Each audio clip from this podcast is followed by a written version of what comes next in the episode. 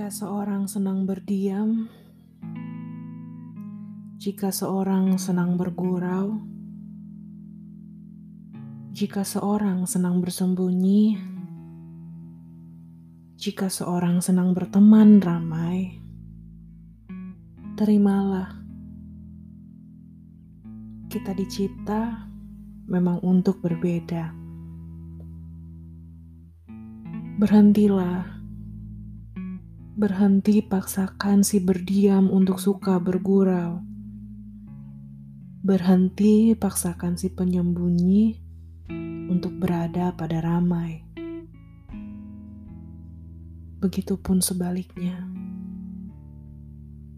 Ingatlah, ada waktu bagi mereka sesekali keluar dari nyaman untuk keadaan